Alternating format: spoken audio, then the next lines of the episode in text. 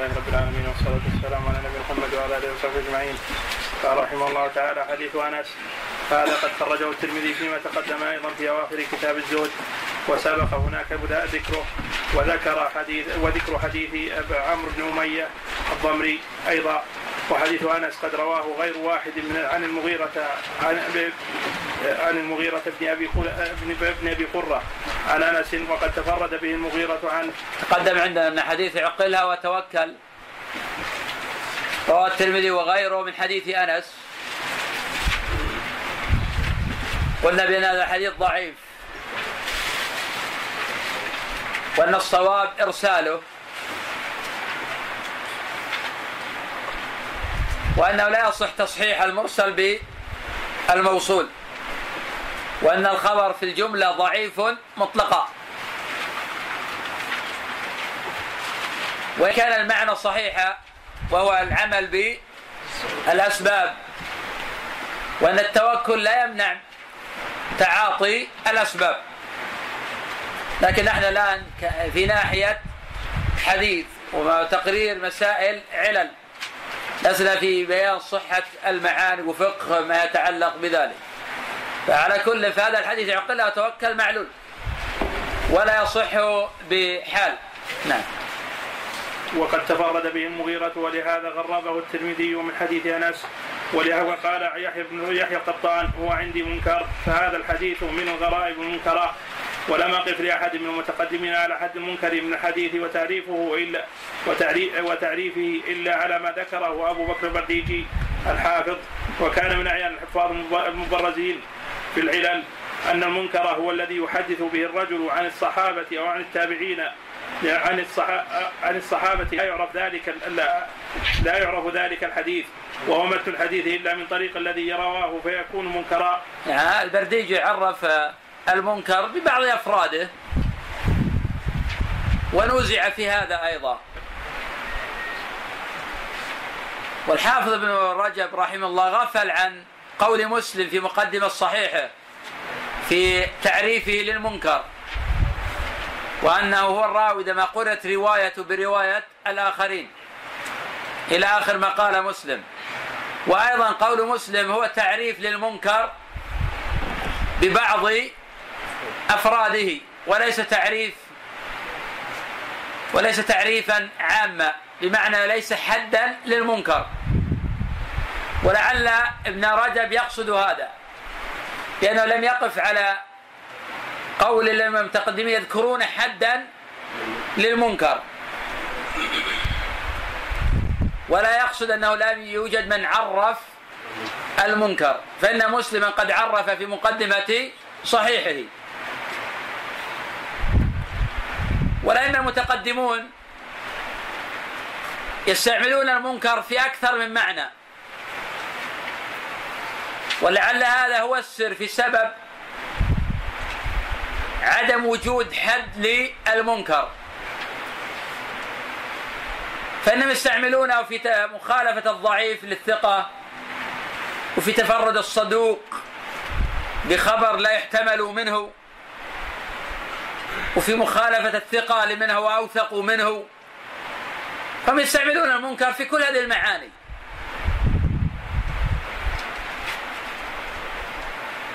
نعم.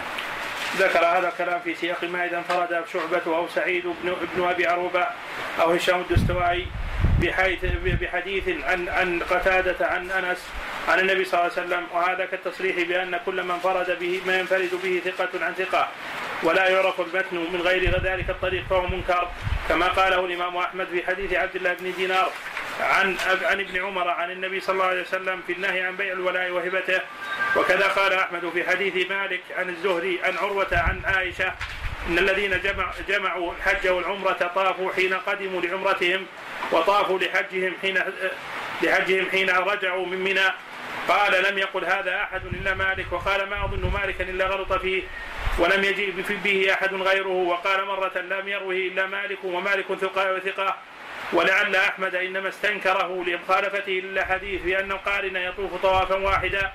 قال البرديجي بعد ذلك فأما أحاديث قتادة التي يرويها الشيوخ مثل مثل حماد بن مثل حماد بن سلمة وحم وهمام وابان وأوزاعي ننظر في الحديث فإن كان الحديث يحفظ من غير طريقهم عن النبي صلى الله عليه وسلم وعن أنس بن مالك من وجه آخر لم يدفع وإن كان لا يعرف إلا عن أحد عن النبي صلى الله عليه وسلم ولا ولا وإن كان لا يعرف عن أحد عن النبي صلى الله عليه وسلم ولا عن طريق عن انس عن أنس إلا من رواية هذا الذي ذكرت لك كان منكرا. نعم ان الصدوق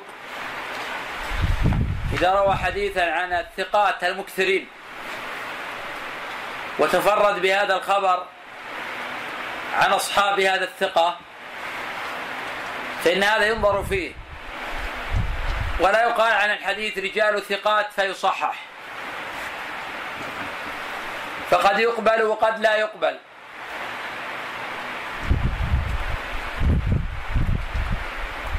وضرب مثلا بأصحاب قتادة. تقدم عندنا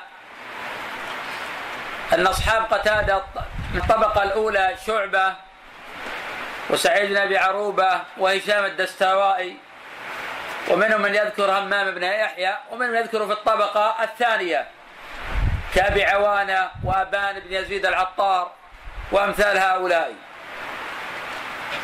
فإذا روى عن قتادة بعض الشيوخ كحماد بن سلمة فإنه لم يكن من المتقنين لحديث قتادة. وقد تكلم غير واحد من الحفاظ في أحاديث حماد بن سلمة عن قتادة وقالوا بأنه مضطرب الحديث. فإن مثل هذا الخبر لا يحتمل من حماد عن قتادة. فأين أصحاب قتادة عن هذا الخبر؟ فمن ذلك ما جاء عند أبي داود طريق حماد بن سلمة عن قتادة بإسناده وذكر حديث أو قول أم عطية كنا لا نعد الكدرة والصفرة بعد الطهر شيئا. فلفظة بعد الطهر شاذة أو منكرة على المعنى الآخر. لأن حماد بن سلمة تفرد بالزيادة عن قتادة. وهي معلولة بعلتين العلة الأولى أن حماد بن سلمة في قتادة في نظر. العلة الثانية أنه رواه عن قتادة من هو أوثق من حماد ولم يذكر بعد الطهر. وقد رواه البخاري في صحيح لفظ كنا لا نعد الكدرة والصفرة شيئا.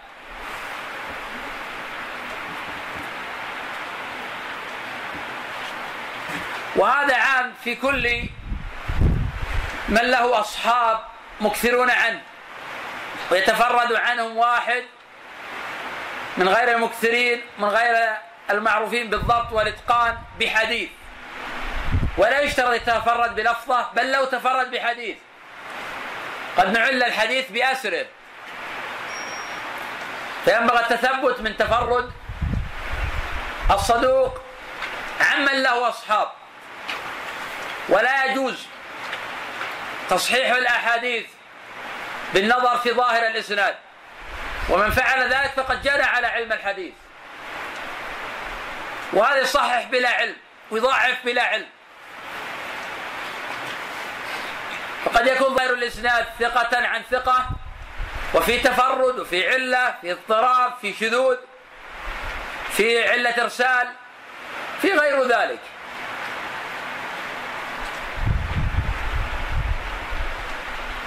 نعم.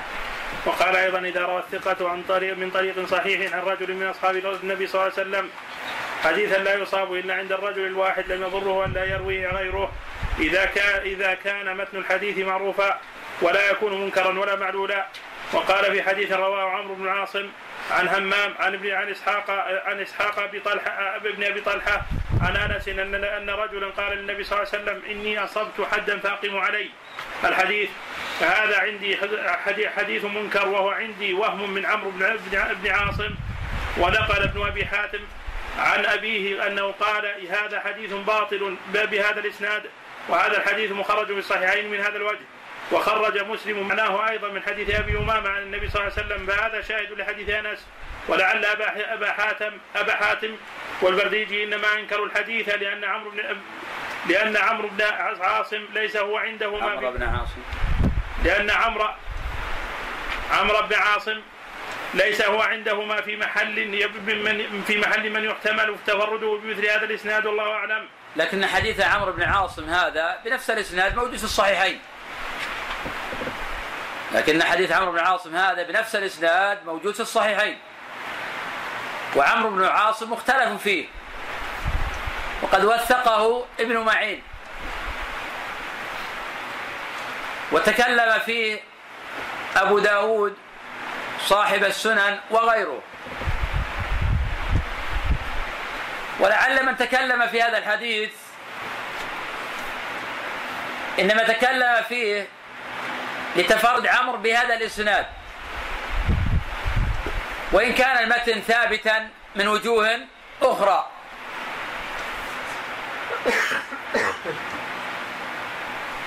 وهذا الحديث مما قيل إنه لا يرتقي على مستوى الصحيحين. وهذا الحديث ما قيل فيه إنه لا يرتقي على مستوى الصحيحين دون رتبة الصحيحين. وقد قيل عن هذا الحديث لو لم يخرجاه لكان أفضل. ولكن ذكرنا فيما مضى ونكرر بأن الشيخين قد ينتقيان للرواه وهذا كثير في كلامهم. بمعنى يكون الرجل متكلما فيه. فينتقيان من حديثه ما لم يطعن فيه. وهذا البخاري رحمه يعلم أن إسماعيل ابن أبي ويس متكلم فيه. وينتقي من أحاديثه ما علم بأنه ضبطه واتقنه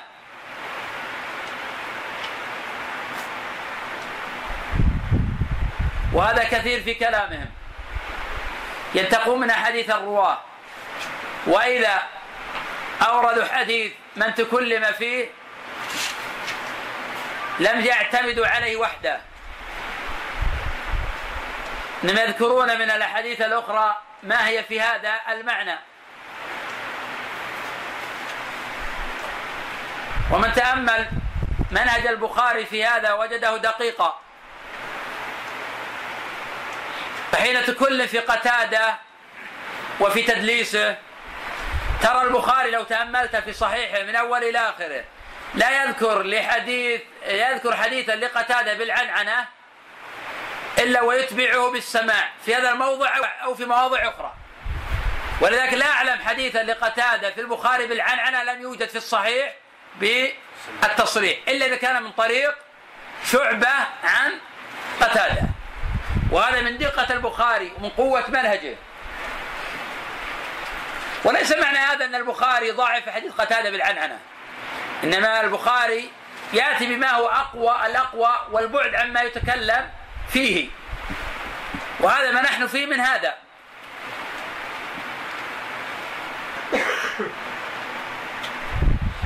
ومن هذا حديث الحسن البصري عن معقل بن يسار. لما احتج بالبخاري أورد في أكثر من موضع. سماع الحسن من معقل بأسانيد ليست هي على شرطه.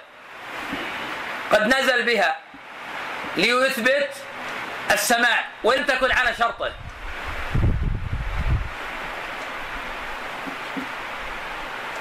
وهذا من دقة البخاري. فالبخاري له منهج واضح لمن؟ له عناية بهذا الصحيح.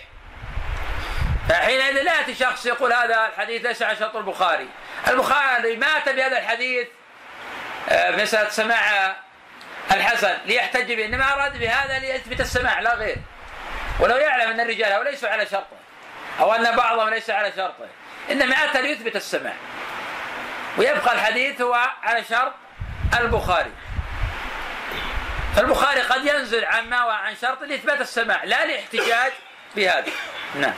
وقال إسحاق بن هانئ قال قال لي أبو عبد الله يعني أحمد قال لي يحيى بن سعيد لا أعلم عبيد الله لا أعلم عبيد عبيد الله يعني ابن عمر أخطأ إلا في حديث واحد لنافع عن ابن عمر أن النبي صلى الله عليه وسلم قال لا تسافر امرأة فوق ثلاثة أيام. الحديث قال أبو عبد الله فأنكره يحيى بن سعيد عليه. قال أبو عبد الله قال لي يحيى بن سعيد فوجدته قد حدث به العمر الصغير عن عن ابن عن ابن عمر مثله. قال قال أبو عبد الله لم يسمعه إلا من عبيد الله فلما بلغه عن العمر صححه. وهذا الكلام يدل على أن النكارة عند يحيى القطان لا تزول إلا بمعرفة الحديث من وجه آخر وكلام الامام أحمد. وهذا قد لا يقال أنه منهج مضطرد ليحيى بن سعيد القطان. وهذا الظاهر والعلم عند الله. أن يحيى بن سعيد القطان لا يقصد من هذا العموم وإنما يقول ذلك في بعض الأحاديث لأن العلماء لهم نقد خاص في بعض الأحاديث. وأكثرت عليكم مسألة منهج المتقدمين بأنه منهج عملي. وقلما يذكرون المسائل نظرية. ويقولون كذا وكذا لا إنما يؤخذ منهجهم يؤخذ منهجهم من عملهم. نعم. وكلام الإمام أحمد احمد احمد وكلام الإمام أحمد قريب من هذا من ذلك. قال عبد الله سألت أبي عن حسين بن علي الذي يروي حديث المواقيت. فقال هو أخو أبي جعفر محمد بن علي. وحديثه وحديثه الذي روى في المواقيت ليس بمنكر لأنه قد لأنه قد وافقه على بعض صفاته غيره. وقال أحمد في في بريد بن عبد الله ابن أبي بردة يروي حديث مناكير وقال أحمد في محمد بن إبراهيم بن الحارث التيمي وهو المنفرد برواية حديث الأعمال بالنيات. في حديثه شيء يروي حديث مناكير. نعم ومع قول الإمام أحمد في محمد بن إبراهيم التيمي حديثه مناكير. لم يضاعف حديث إنما الأعمال بالنيات. ومعنى قول أحمد حديث مناكير يقصد مفاريد. ومعنى قول أحمد حديث مناكير يقصد مفاريد. لا يقصد المناكير المنكر. فرق بين الأمرين. حديث مناكير يختلف عن المفاريد. والمفاريد يختلف عن اللفظ المنكر وحد المنكر. إذا لا نشك أن تفرد بالخبر ولا نشك أن الشيخ تفرد به وأن التلميذ أيضا قد تفرد به. نعم. أو قال منكر وقال في زيد بن أبي ابن أبي أنيسة إن حديثه لحسن مقارب وإن فيها لبعض النكارة. قال وهو على ذلك حسن الحديث. قال الأثرم قلت لأحمد إن له حديث إن إن له حديث إن لم تكن مناكير فهي غرائب قال نعم وهؤلاء الثلاثة متفق على الاحتجاج بحديثهم. في الصحيح وقد استنكر أحمد ما تفردوا به وكذلك قال في عمرو بن الحارث له حديث مناكير وفي وفي الصحيح وفي الحسين بن واقد وخالد بن مخلد وجماعة مخرج له في الصحيح بعض بعض بعض ما ما ينفردون به. وأما تصيب الشيخين والاكثرين فيدل على خلاف هذا وإنما هو رواه الثقة عن الثقة إلى منتهى وليس له علة فليس بمنكر. وقد خرج في الحديث في الصحيحين حديثا. لكن هذه ما دلت قرينة وأستبعد أن يكون ما ذكره عن الأئمة يكون منهجا لهم. إنما هي في أحاديث خاصة. بمعنى ما هناك ما هناك فرق بين منهجهم وبين منهج الشيخين. فكان يشير الرجل إلى أن هناك فرقا بدليل قوله وإذا تعاملهم على خلاف ذلك بالاحتجاج ببعض هؤلاء بدليل أن أحمد يحتج بهم ويصحح حديثهم. اذا لا يختلف معهم. إنما في قضايا خاصة يعل بعض الأحاديث ولا يتخذ ذلك منهجا في كل ما يتفردون به. فمنهج يحيى بن سعيد القطان لا يختلف عن منهج أحمد ومنهج لا يختلف ومنهج أحمد لا يختلف عن منهج البخاري ولا عن منهج مسلم. منهج واحد حتى في القضية العينية. ليظهر أن المنهج واحد وانما هذه أمثلة خاصة. نعم. وقد خرج في الصحيحين حديث عبد بريد بريد بريد بن ابن عبد الله بن أبي بردة وحديث ابن محمد بن إبراهيم التيمي وحديث زيد بن انيسه وقد قال مسلم في أول كتابه حكم حكم أهل العلم والذي يعرف من مذهب يعرف من مذهبهم في قبول ما ينفرد به المحدث من الحديث أن يكون قد شارك الثقات الثقات من أهل الحفظ في بعض ما رووا وأمعن في ذلك على الموافقة لهم فإذا وجد كذلك لم أزل ثم زاد بعد ذلك شيئا وليس عند أصحابه قبلت زيادته هذا كلا ما هو ليس لاجل بصيرتهم بهذه القضية ولا معرفتهم. إنما يعلمون مسبقا أنهم يفتونهم بذلك. هذا تتبع الرخص هذا أمر مذموم هذا. المصلحة ظن المصلحة يعني إذا ظنوا نعم يعذرون عند الله. إحنا نقرر الأصل العام بغض النظر عن الطرف. لكن إذا وجد شخص ما يقصد أن هذا لأنه عنده علم ما ليس عند الآخر لا يدري أن هذا ما عنده علم أصلا. وإنما يبحث عنه يدري أنه سيفتيه بما يوافق هواه نمنعه من ذلك. الحمد لله رب العالمين والصلاة والسلام على نبينا محمد وعلى آله وصحبه أجمعين. قال رحمه الله تعالى فأما من نراه يعمد لمثل الزهد في جلالته وكثرة أصحابه الحفاظ المتقنين لحديثه وحديث غيره أو لمثل هشام بن عروة. وحديثهما عند أهل العلم مبسوط مشترك قد نقل أصحابهما عنهما حديثهما. على اتفاق بين منهم في أكثره فيروي, فيروي عنهما فيروى عنهما أو عن أحدهما العدد من الحديث. مما لا يعرفه أحد من أصحابهما وليس ممن قد شاركهم في الصحيح الذي عندهم فغير جائز قبول حديث هذا الضرب من من الناس والله أعلم.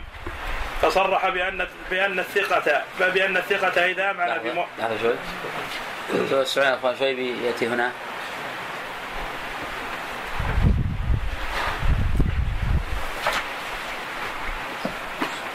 طريقة.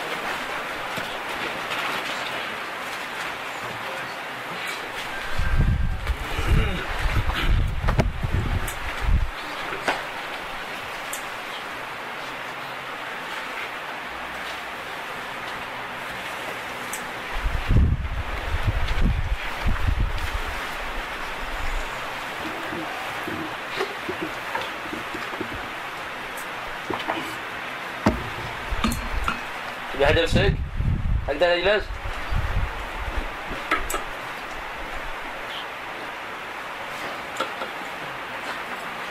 وأنا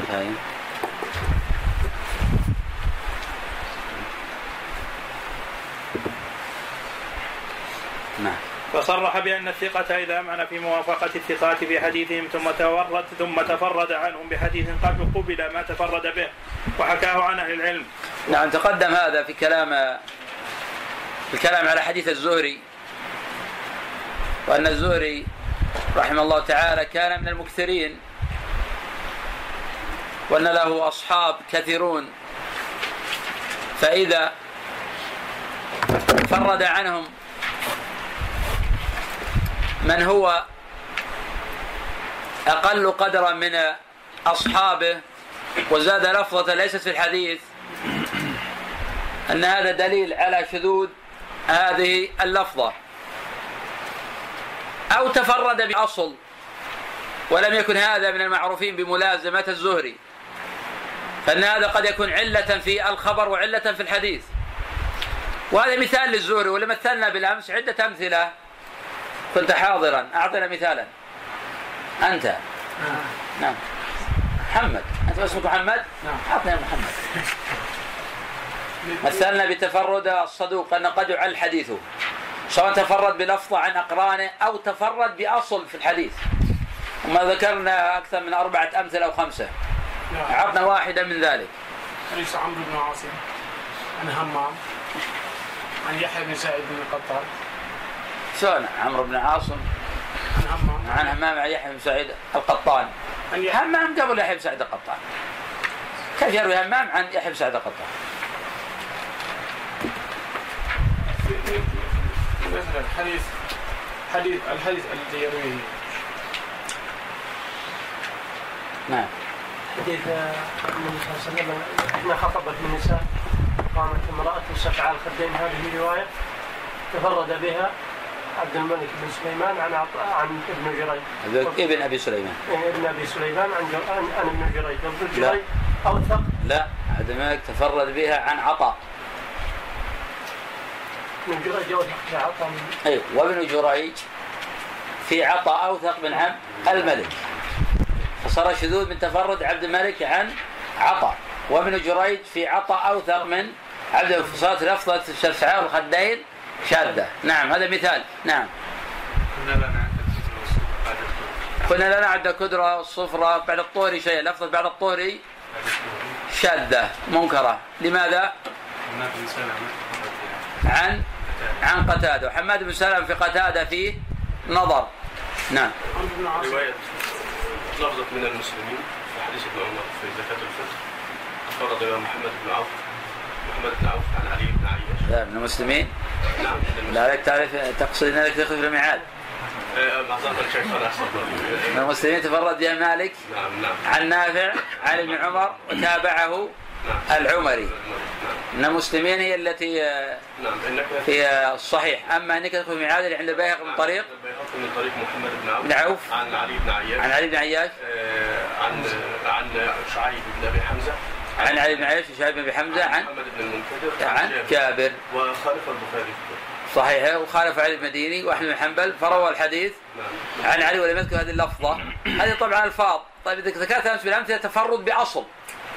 الحديث تفرد بحديث. الحديث لحظة. حديث ايمن بن نابل عن جابر نعم. عن ابي زر ايمن بن نابل عن جا... عن أبي الزبير عن جابر في لفظه في قوله بسم الله التحيه صحيح هذا اللفظة. إحنا قلنا انتقلنا شوي. نبي عن تفرد باصل الحديث. إيه، تفرد ابن الحاج بحديث عائشة. رجل صلى يصلي متربعة. حديث عمرو بن عاصم. عن همام عن إسحاق بن أبي طلحة عن أنس أن رجلا قال لنفسه أصبت حدا فاخما عليه هذا حديث لم يعرف آه، تفرد به بهذا الطريق عن أنس. الاصل اصل الحديث أو يعني هذا طبعا ممكن لكن عموما هذا حديث متفق على صحته. هذا متفق على صحته. من طريق عمرو نفسه. وحديث عمرو بن علي.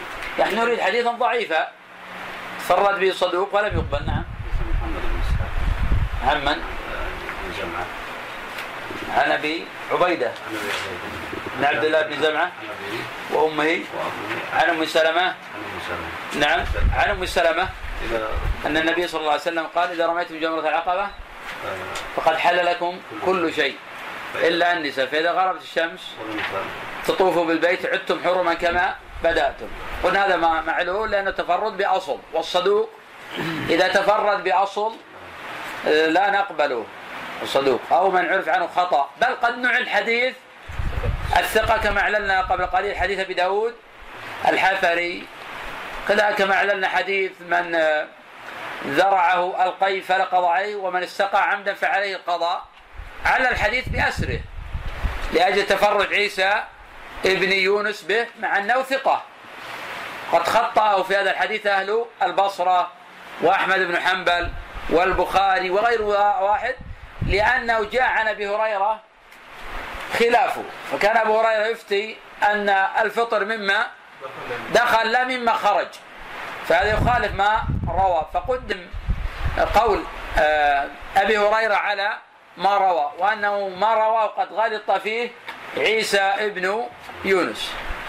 نكتب. وقد ذكرنا فيما تقدم قول قول الشافعي في الشاذ وأنه قال ليس الشاذ ليس الشاذ من الحديث ان ان أن يروي الثقة من الحديث ما لا يروي غيره. إنما الشاذ أن يروي الثقة حديثا يخالف الناس. وكذلك قال أبو بكر الأثرم وحكى أبو يعلى بن خليلي هذا القول عن الشافعي وجماعة من أهل الحجاز.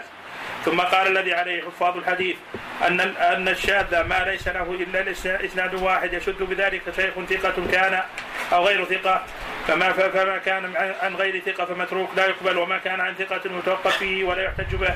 وكذلك ذكر الحاكم أن الشاذ هو الحديث الذي ينفرد ينفرد به الثقة عن الثقات وليس له أصل متابع لذلك متابع لذلك الثقة ولم ولم يوقف يوقف له على علة.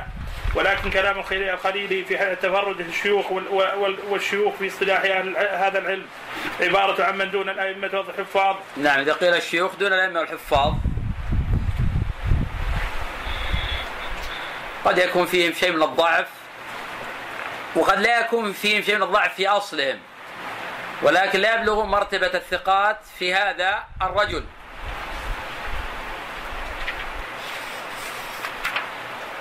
وهذا يختلف قول برديجي في الشيوخ يختلف عن قول أبي حاتم فلان شيخ. هذه اللفظة غير واضحة. من العلماء من حملها على معنى الصدوق. وهذا في نظر.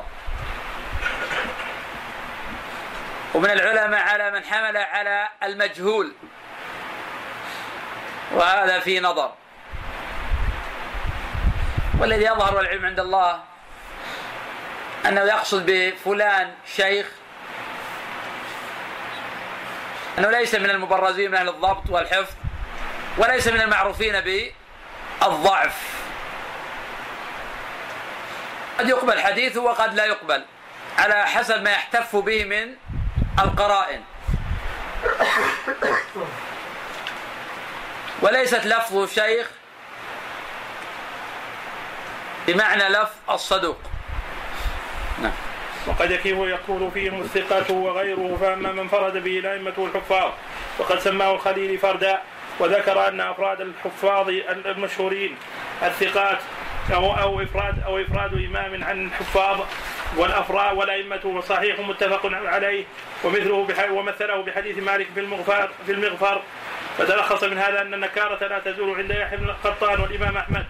والبرديجي وغيرهم من المتقدمين إلا بالمتابعة وكذلك الشذوذ تقدم إن ما ذكره عن الإمام أحمد وعن يحيى وعن جماعة أن هذا ليس مضطردا عنهم. وذكرنا الأمثلة على ذلك ومثلنا بحديث محمد بن إبراهيم التيمي عن علقمة عن عمر عن النبي صلى الله عليه وسلم قال إنما الاعمال بالنيات. فقد تفرد به محمد بن إبراهيم التيمي مع قول الإمام أحمد.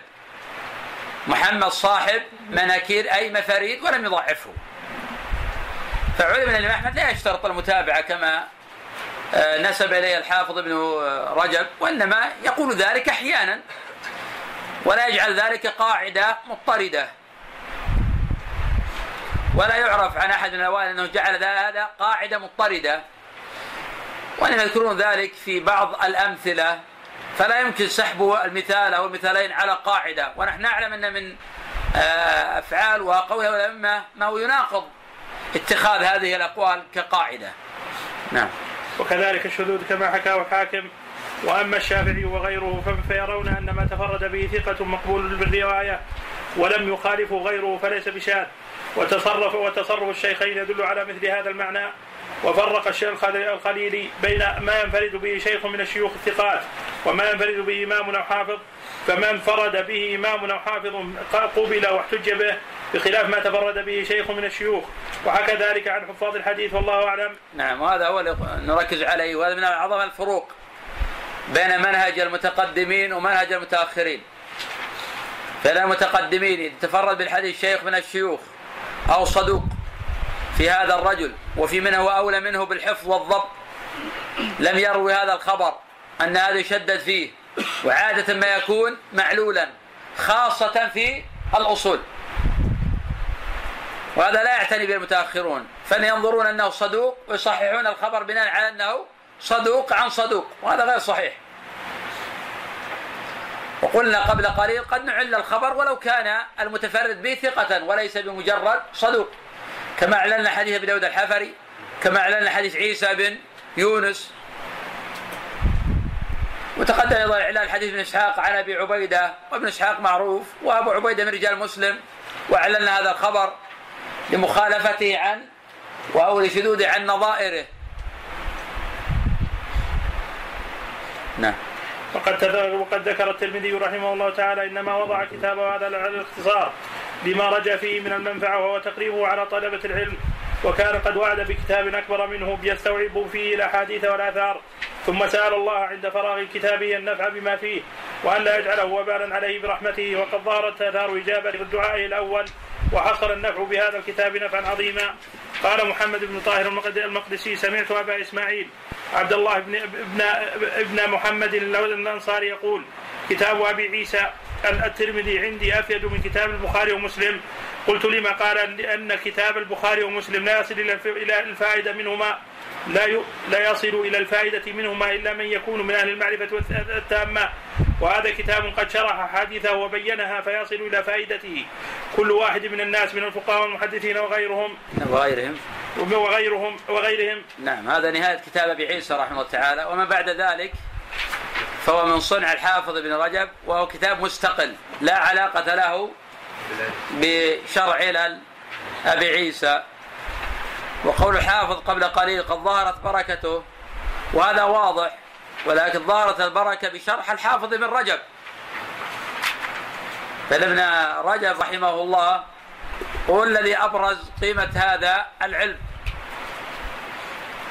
لسعة علمه بهذا الفن واطلاعه ومعرفته بأقاويل الأئمة. وقد زاده ابن رجب جمالا إلى جماله ونورا إلى نوره. وهدى إلى هداه وعلما إلى علمه. ومن أفضل من شرحه هو الحافظ ابن رجب رحمه الله. فقد جمع في ذلك فأوعى وبسط القول في المسائل وناقش قويل الأئمة. وهذا أفضل كتاب ألف في شرح العلل. وسيأتي وسيمر بنا إن شاء الله مجموعة كبيرة من القواعد في العلل. وهي من صنع الحافظ بن رجب. وهذا الكتاب هو أبرز كتاب يبرز مناهج الأئمة المتقدمين. ويبين علومهم وفهومهم وقواعدهم. الحمد لله رب العالمين والصلاة والسلام على نبينا محمد وعلى آله وصحبه أجمعين. قال رحمه الله تعالى ولما انتهى الكلام على ما ذكره الحافظ أبو عيسى الترمذي رحمه الله تعالى في كتاب الجامع وآخره وآخره كتاب العلل أحببت أن أتبع أن أتبع كتاب العلل بفوائد أخر مهمة وقواعد كلية تكون للكتاب تتمة وأردت بذلك تقريب علم العلل على من ينظر فيه فإنه علم قد هجر في هذا الزمان وقد ذكرنا في كتاب العلم أنه علم جليل قل من يعرفه من أهل هذا الشأن. نعم. حافظ بن رجب رحمه الله تعالى لما فرغ من شرح علل الترمذي أتبع ذلك بقواعد مهمة في علم العلل. وهذه القواعد من الأهمية بمكان. وننصح طلبة العلم بحفظها وضبطها وإتقانها وتكرار مدارستها. قد قدم ابن رجب رحمه الله مقدمة يبين في هذه المقدمة فضل هذا العلم وعزة أهله. وندرة العارفين به. فإن علم العلل يختلف عن حفظ الأحاديث والأسانيد وعن معرفة الرواة وثقة من ضعفهم. فإن معرفة ثقة الرواة أمر ميسور. إن الإنسان يطالع كتب الأئمة ويتعرف على الرواة ثقة وضعفا. أما علم العلل فأمر وراء ذلك. ومن ثم لم يتكلم به إلا نوادر من العلماء في كل عصر. وأهله قليلون في كل عصر. ومن أجل علوم الحديث وأعظمها وأكثرها فائدة. ومن خص الله بشيء من ذلك فليحمد الله. فإن خلقا لا يعرفونه. وقد تميز به الأوائل. وكانوا فيه على مراتب أيضا.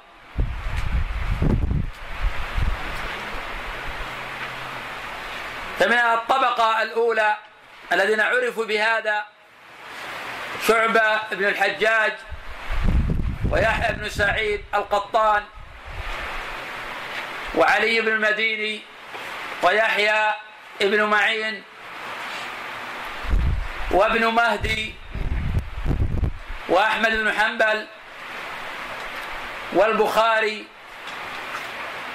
ومسلم وأبو داود والترمذي والنسائي ومن جاء بعد هؤلاء كالدار قطني فإنه كان من أهل هذه الصنعة ومن المتقنين لذلك. ومن تأمل كتابه العلل رأى تقدم على بعض من سبقه. ثم بعد الإمام الدار قطني قل الضبط لهذا العلم. ولا يكاد يوجد علماء بارزون متقنون في علم العلل. وفي علماء القرون الوسطى أعداد يسيرة لهم إتقان ومعرفة بعلم العلل. من أبرز هؤلاء الإمام ابن عبد الهادي صاحب المحرر والصارم المنكي في الرد على السبكي والحافظ ابن رجب. ولا يكاد يوجد من مشايخهما من يدانيهما في علم العلل ولا من يقرب منهما أيضا. ثم عز هذا العلم بعد ذلك. فلا يكاد يوجد من يعرف إلى هذا العصر إلا أفراد يسيرون يتميزون به ويتقنونه ويعرفونه. وهذا العلم يحتاج إلى عدة أمور. الأمر الأول الحفظ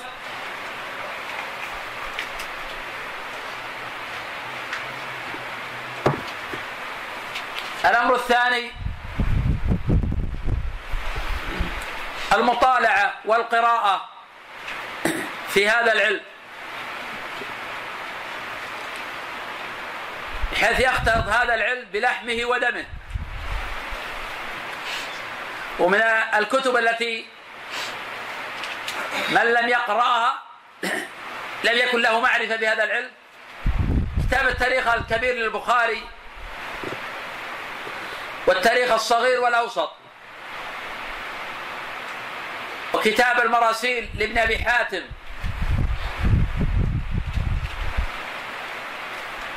والموسوعة المطبوعة للإمام أحمد موسوعة العلل. وكتاب العلل لعلي بن المديني. وكتاب العلل لابن أبي حاتم. وكتاب العلل للإمام الدار قطني. ومن ذلك هذا الكتاب الذي ندرسه الآن وهو بين أيدينا شرع علل الترمذي للحافظ ابن رجب.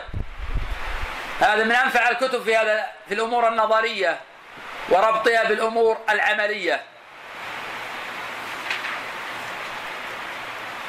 ومن ذلك المدارسة.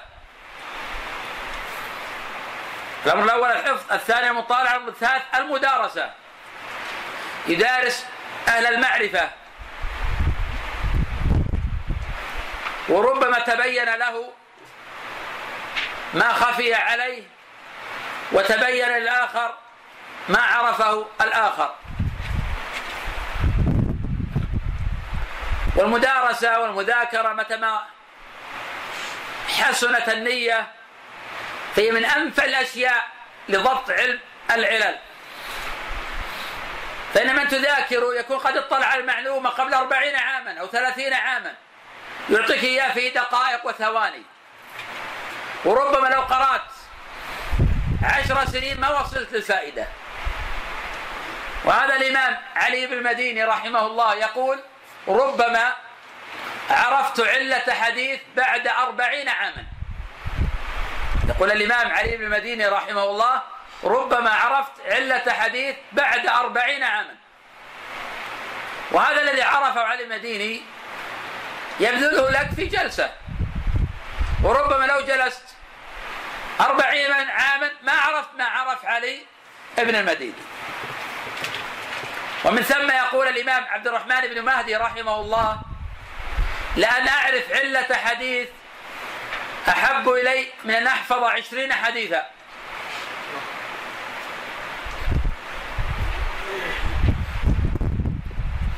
نعم. فقد ذكرنا في كتاب العلم أنه علم جليل قل من يعرفه من أهل هذا الشأن وأن بساطه وإن وأن بساطه قد طوي منذ أزمان وبالله المستعان عليه التكلان فإن التوفيق كله بيد بيديه ومرجع الأمور كلها إليه. واعلم أن معرفة صحة الحديث الحديث وسقمه تحصل تحصل من وجهين. أحدهما معرفة رجاله وثقتهم وضعفهم.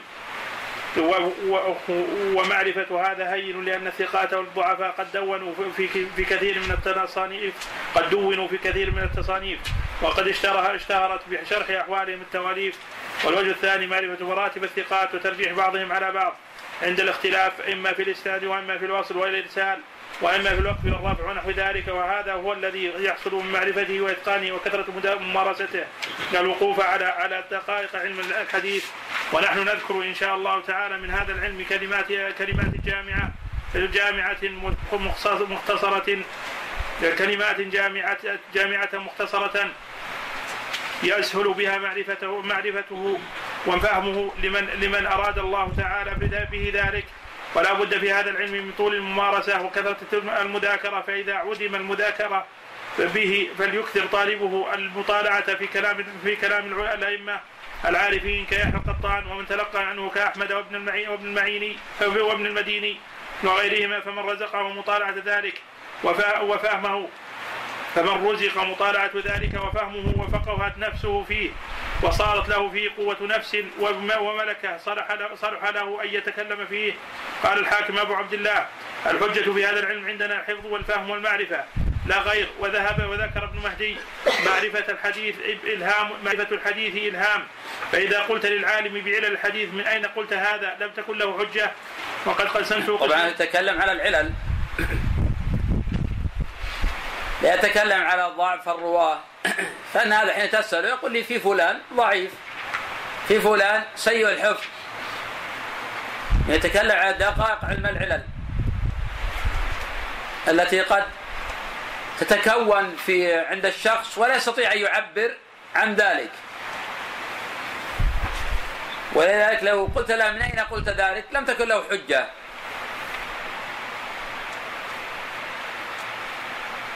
وكما قال أيضا ابن مهدي نفسه رحمه الله علمنا هذا عند الجهال كهانة.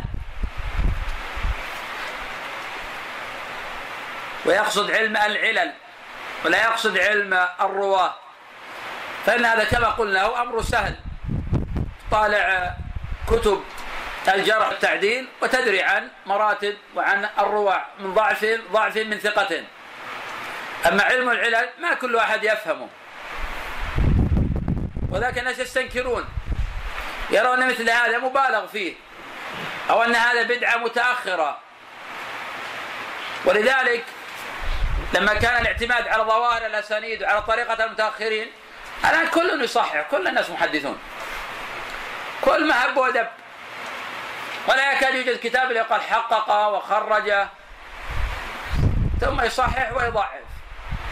وهو لا يفهم شيئا في هذا العلم. لأن الأمر كما قال الأوزاعي رحمه الله. كان هذا العلم شريفا كريما. يتلقاه الرجال بعضهم عن بعض. فلما دخل في الكتب دخل فيه من ليس من أهله. والآن طالب العلم العادي بل العامي عن طريق الكمبيوتر يخرج الحديث أعظم من تخريج أبي زرعة وأبي حاتم. وهل يسمى هذا عالما؟ هذا لا شيء. العلم شيء والتخريج شيء آخر.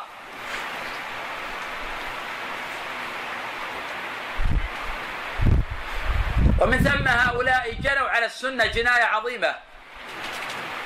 فصححوا الأباطيل والمنكرات وضعفوا الأحاديث الصحاح بحجة عنعنة الموصوف بالتدليس. لأن هؤلاء ما تلقوا العلم أصلا عن عالم. إنما يقرؤون في الكتب. يقول في عنعنة مدلس وبعضهم يسرق أيضا. يسرق كلام غيره ثم في النهاية يقول راجع. فمثل هذا أضل أفسد الكتاب وأضل غيره. وذلك كثير من تحقيقات المتأخرين فساد كتب المتقدمين. وليس فيها من الإصلاح في شيء.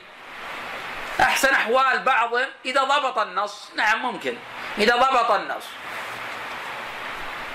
ولذلك ما يعتمد على كلام المتأخرين إلا من له معرفة وضبط في مثل هذا العلم. أما ما يعتقد العام إذا رأى كثرة المصادر روى فلان وروى فلان أصلا هذا غير محمود حتى في علم الحديث. وأي قيمة تخرج الحديث رواه البخاري ومسلم ثم تذكر الأسلم ثم تقول رواه الطبراني في المعجم الصغير والأوسط. رواه ابن عرفة في جزءه رواه البيهقي. لا فائدة من هذا. ما دام الحديث موجود في الصحيح عند أهل السنة كفى.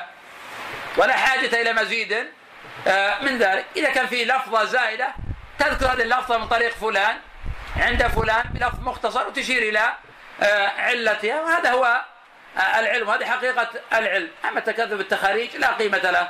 حتى بعضهم آه، خرج الأربعين النووي ذكر آه، حديث عمر ذكر ثمانين مصدرا لتخريج وأي فائدة من هذا؟ وبعض العامة إذا قرأ هذا قال هذا محدث. يظن هذا هو التحديث. هذا أصلا ليس بعلم. فضلا أن يكون آه، تح- تحديثا. نعم. وقد قسمته قسمين القسم الأول في معرفة مراتب كثير من مراتب كثير من من من أعيان الثقات وتفاوتهم وحك- وحكم اختلافهم وقول من يروي من يرجح منهم عند الاختلاف. والقسم الثاني في معرفة قوم من الثقات لا يكاد لا يوجد ذكر كثير منهم أو أكثرهم في كتب الجرح. قد ضعف حديثهم إما في بعض الأماكن أو في بعض الأزمان أو عن بعض الشيوخ دون بعض.